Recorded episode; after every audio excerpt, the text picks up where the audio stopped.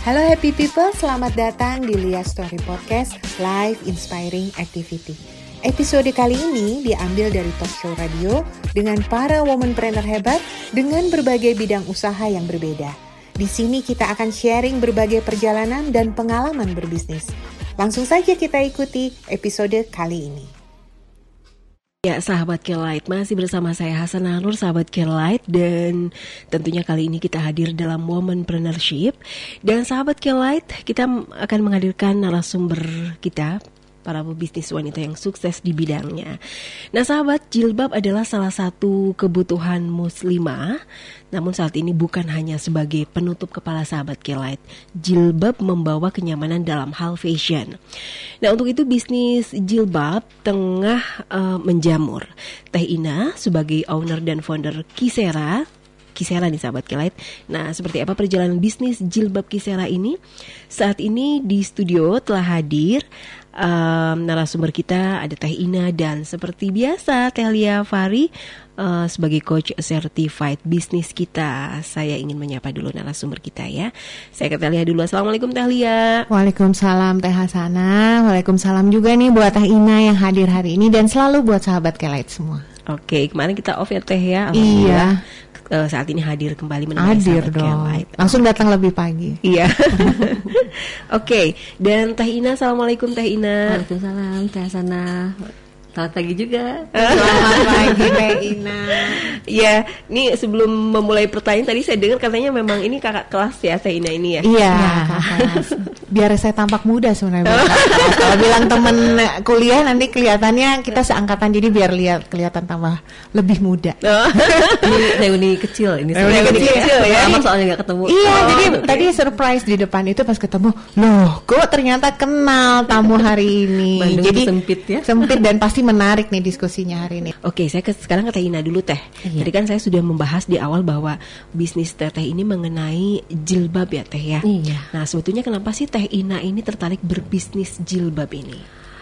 Oke, Bismillahirrahmanirrahim. Eh, sebetulnya gini teh, hmm, awalnya bukan jilbab dulu sebenarnya. Saya tuh udah 13 tahun ini saya berkecimpung di bidang konveksi. Awalnya pakaian biasa sih, bukan bukan khusus di kerudung ya. Eh, tapi lama kelamaan karena saya anak ini perempuan semua teh, tiga perempuan semua dan semua pakai memakai kerudung, memakai jilbab. Nah mulai itu di situ.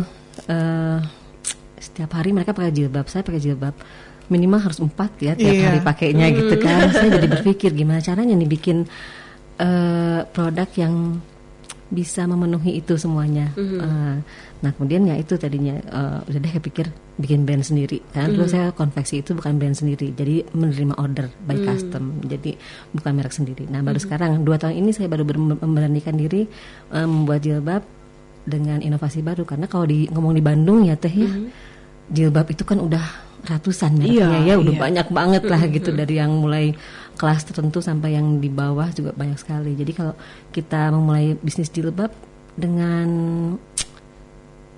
eh, produk yang sama dengan ratusan merek lain, apa bedanya gitu. Nah, di di situlah saya berpikir bahwa saya harus memulai bisnis jilbab dengan beda dari yang lain gitu teh. Oke. Nah, ini kan persaingan jilbab ini aduh di Bandung apalagi ya Hmm, sangat betul banget. luar biasa sekali nih Iya. Teh. Nah, cara Teteh menyikapi persaingan ini gimana nih? Jadi sebetulnya tadi ya karena di awal sudah dikonsep bahwa kita harus beda daripada yang lain gitu ya. Ya jelas segala sesuatunya harus beda. Inovasinya jelas beda, packagingnya beda, cara menyampaikan atau iklannya juga mungkin beda. Misalnya orang lain hanya cukup dengan satu gambar sudah bisa. Oh ini jilbabnya eh, motifnya begini.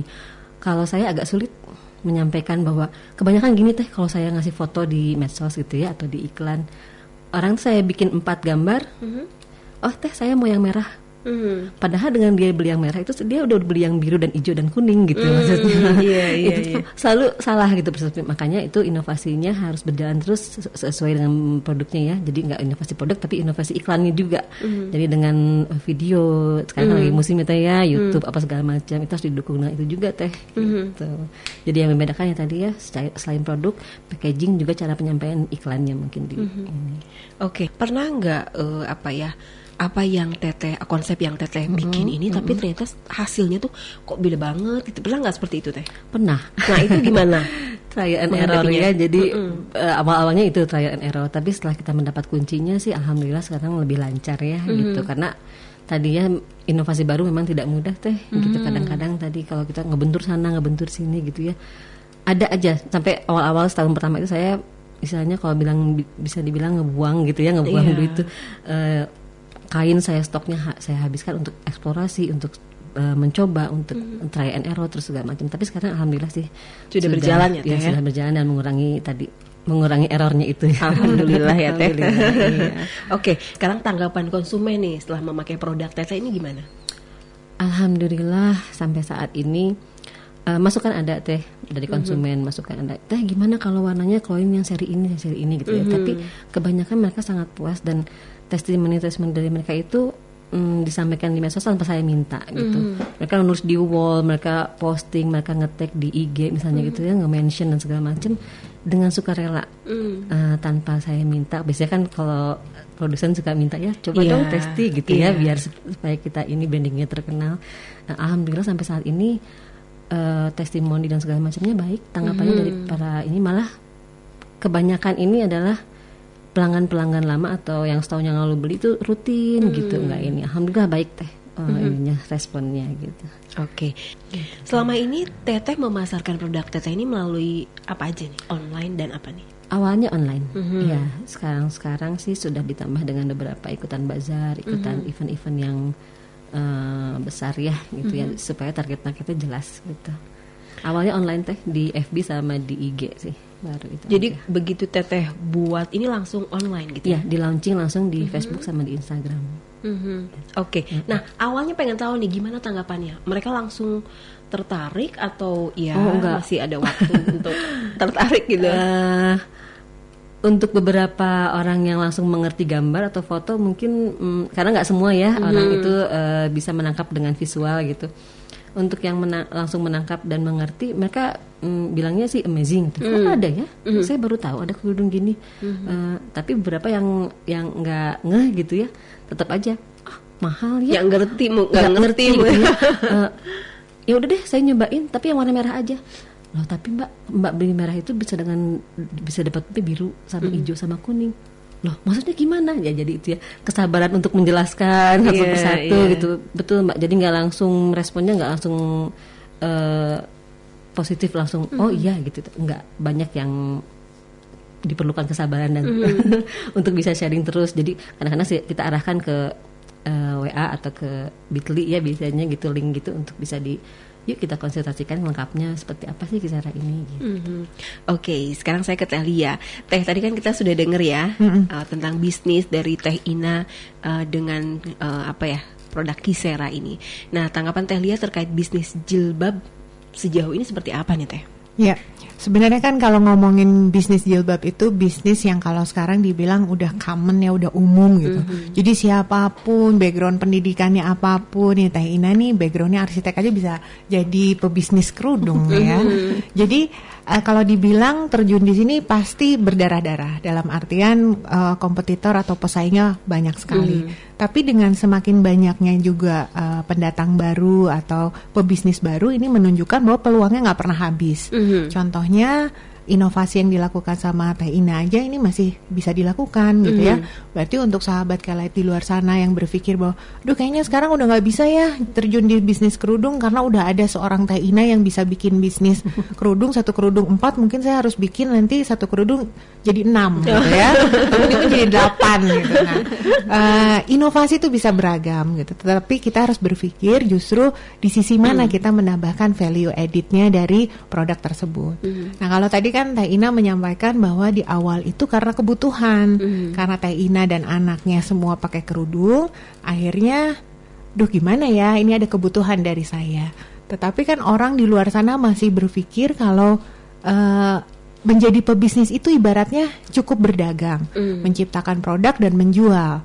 Tetapi kalau di sini kita lihat banyak sekali yang kita datangkan setiap minggu, sebetulnya menjadi pebisnis yang akhirnya bisa uh, terus berja uh, berjalan mm-hmm. long lasting jangka panjang gitu karena bukan hanya mau menciptakan produk tetapi dia punya empati mm. empati itu artinya bukan hanya untuk uh, menyelesaikan masalah pribadi tetapi dia menye berusaha menyelesaikan masalah-masalah ibu-ibu di luar sana kaum perempuan di luar sana yang punya problem yang sama dengan hmm. kita gitu. Hmm. Jadi Teh Ina pasti saya yakin banget nih. Teh Ina nggak mikir cuman buat Teh Ina dan anak-anak kan, hmm, yeah. tapi mikir ini pasti ada di luar sana gitu. Yang senasib. Yang gitu. senasib benar. gitu.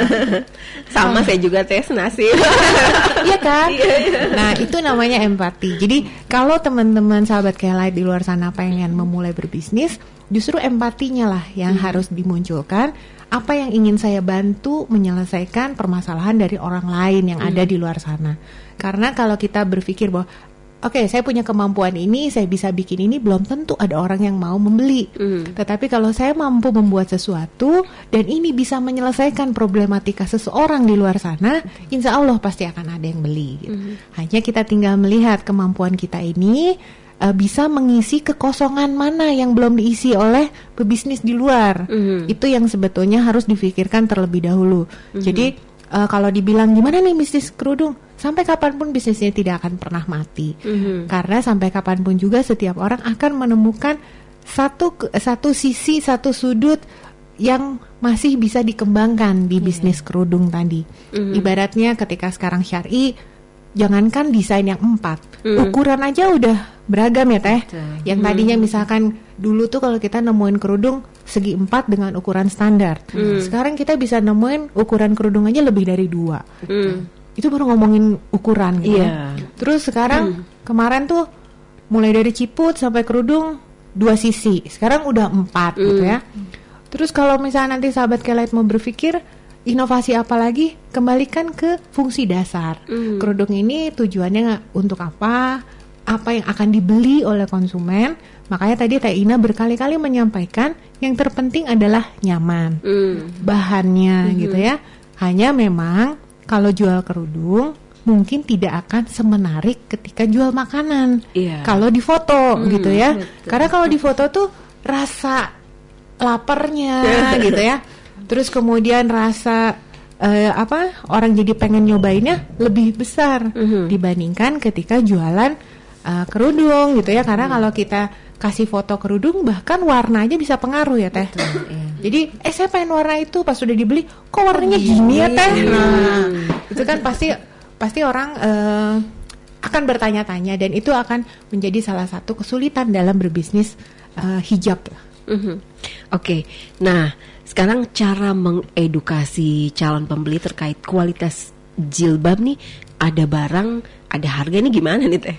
Ya, sebetulnya memang uh, kalau kita strategi untuk mengedukasi konsumen untuk produknya fashion gitu ya, ag uh, agak berbeda dengan kalau kita jualannya kuliner. Mm-hmm. Kalau kuliner diedukasi adalah manfaat dari produk tersebut. Tapi kalau fashion mungkin agak rum agak susah ya. Mm-hmm. Kalaupun dibilang nanti oh ini dengan kualitas terbaik gitu. Terus kemudian ini dengan bahan print ter, uh, apa tinta terbaik hmm. dan lain-lain juga uh, mungkin tidak semua konsumen peduli akan hmm, itu. Iya, Tetapi tadi ada satu bahasa cerdas yang bisa kita sampaikan. Semua konsumen saya yakin sekali pengen membeli barang yang kualitasnya baik, harganya juga tidak terlampau tidak tinggi mahal. gitu ya. Jadi ketika disampaikan bahwa oke okay, ini empat desain, harganya sama loh kayak yang satu desain, mm. itu pasti semua mama-mama sudah berkalkulasi di kepalanya gitu. tiga ratus sekian, 400 tapi kan empat, jadi dibagi empat, oh sekian. Mm, itu mungkin yang bisa dijadikan jurus untuk uh, strategi penjualan ya. Jadi mm. bahasa promosinya mm. bisa itu. Nah, selain tadi sebetulnya testimoni, testimoni mm. dari konsumen, terus dari mulut ke mulut, konsumen yang puas, sebetulnya itulah mereka tenaga marketing kita. Mm. Jadi memang uh, berdagang atau menjadi pebisnis hijab itu bukan jualan produk, tapi membina konsumennya yang harus lebih dikerahkan lagi sekarang itu. Bagaimana konsumen yang sudah membeli, mereka mau membeli lagi dan mereka mau menyampaikan kepuasannya bukan kepada kita tapi kepada orang lain. Itulah yang sebetulnya harus selalu kita bina. Makanya di harga 300 sekian, bahkan di harga 400 sekian, di situlah sebetulnya ada modal kita untuk menyampaikan kepada konsumen agar konsumen itu mau nyampein lagi ke konsumen yang lain gitu. Jadi dalam 400 ribu sekian tuh udah ada biaya promosinya sebetulnya. Jadi jangan sampai lupa ya teh. Iya, iya. Karena terkadang pebisnis itu hanya ngitungnya tuh betul-betul ngitung yang tangible. Jadi ngitung pokoknya. Jadi kalau kerudung harganya sekian gitu ya, saya eh, kerudung harganya sepuluh ribu, saya jual 12.000 ribu, itu udah laku lah gitu. Tapi tidak mengukur bahwa saya harus menservis konsumen, saya harus nge-WhatsApp mereka gitu ya, saya harus nanya apa sih yang bagus dari produk saya, mau beli lagi atau enggak. Nah itu dilupakan. Padahal dengan kita membina komunikasi dengan konsumen, ada pulsa di situ kan, Iya. nah ada internet yang harus kita gunakan, terus kemudian harus kita posting juga kan testimoni mereka. Jadi jangan sampai lupa karena kuncinya yang terpenting saat ini adalah itu komunikasi dengan pelanggan. Oke, nah Teh Lia, kita kan sudah dengar bahwa memang Teh Ina ini sering mengikuti bazar ya Teh ya. Nah, apakah setiap pelaku bisnis ini harus nih Teh mengikuti bazar? Ah, sebetulnya begini, jadi dalam setiap produk atau setiap eh, hijab yang di dibuat gitu ya, sebetulnya memang sudah ada komposisi harga di dalamnya itu adalah investasi untuk tadi untuk mengikuti baik basar, baik promo gitu ya. Jadi ibaratnya bilangnya sih mungkin bukan cuma basar tapi eh, biaya promosi lah gitu ya, biaya marketing gitu. Nanti dalam bentuknya mau kita misalkan ikut ke media cetak, media audio gitu ya, mau media visual atau bahkan tadi bentuknya bazar, tetapi sudah dianggarkan. Nah, hanya kenyataannya memang tidak semua pelaku bisnis itu aware di awal. Jadi ketika dia membuat, memproduksi, dia hanya fokus terhadap produksinya saja. Tapi biaya promo dan lain-lain itu nanti deh kalau udah terjual sekian, saya tambahkan. Seharusnya di setiap item itu sudah disisipkan. Mau satu perak, dua perak gitu ya. Nanti di- dari sanalah sebetulnya kita bisa mengukur berapa sih yang kita mampu untuk ikut di pasar tadi gitu. Nah, itu yang mungkin sekarang Teh Ina harus mulai berpikir sebetulnya HPP saya tuh sudah termasuk dengan biaya promosi enggak gitu ya. Jadi kalau kejual 100 sebetulnya saya sudah mampu nggak sih untuk ikut di bazar yang kelasnya seperti apa. Nah, itu yang harusnya difikirkan karena jangan berpikir bahwa oke, ini investasi, betul investasi, tetapi tahu nggak ada berapa persen investasi yang sudah disiapkan dan kita kepentok sendiri karena nggak punya hitungannya. Jadi apa pun yang kita lakukan dalam promosi itu adalah investasi yang tidak akan kembali saat ini, mungkin akan kembali nanti jangka panjang. Tapi teman-teman pebisnis itu sekarang juga cerdas. Tadi terima kasih nih buat Teh Tita. Teh Tita sering banget ya dengerin kita dan Teh Tita juga adalah salah satu pelaku bisnis yang selain punya tadi eh, dia brand cloth eh, clothing gitu ya. Beliau juga fotografer yang memang fotografer untuk food bahkan untuk pakaian. pakaian juga, Jadi memang Teh Ina dan Teh Tita bisa kolaborasi nih Iya. gitu. Jadi kalau bazar itu sekarang udah nggak bicara lagi one product, one uh, stand gitu ya. Tapi dalam satu stand ini kita bisa kolaborasi. Pakaiannya mungkin pakaiannya Teh Tita, kerudungnya dari Teh Ina gitu ya. Nanti sepatu dan lain-lainnya dari yang lain sehingga cost untuk satu stand itu bisa dibagi dengan rekan-rekan pebisnis yang lain gitu. Itu juga menjadi salah satu uh, alternatif kunci makanya untuk para pelaku bisnis ikutlah dalam sebuah komunitas, bergabunglah dengan pebisnis lain, jangan menganggap pebisnis lain itu sebagai kompetitor. Karena justru kompetitor dari kompetitor lah kita bisa belajar banyak dan kita bisa berkolaborasi Berkolaborasi, dengan mereka. Oke, oke, Teh Lia dan Teh Ina sayang sekali waktunya sudah habis ya. Ini sebetulnya masih banyak yang ingin, ingin ditanyakan, tapi terakhir nih dari Teh Lia ilmunya nih untuk kita semua. Silakan Teh Lia.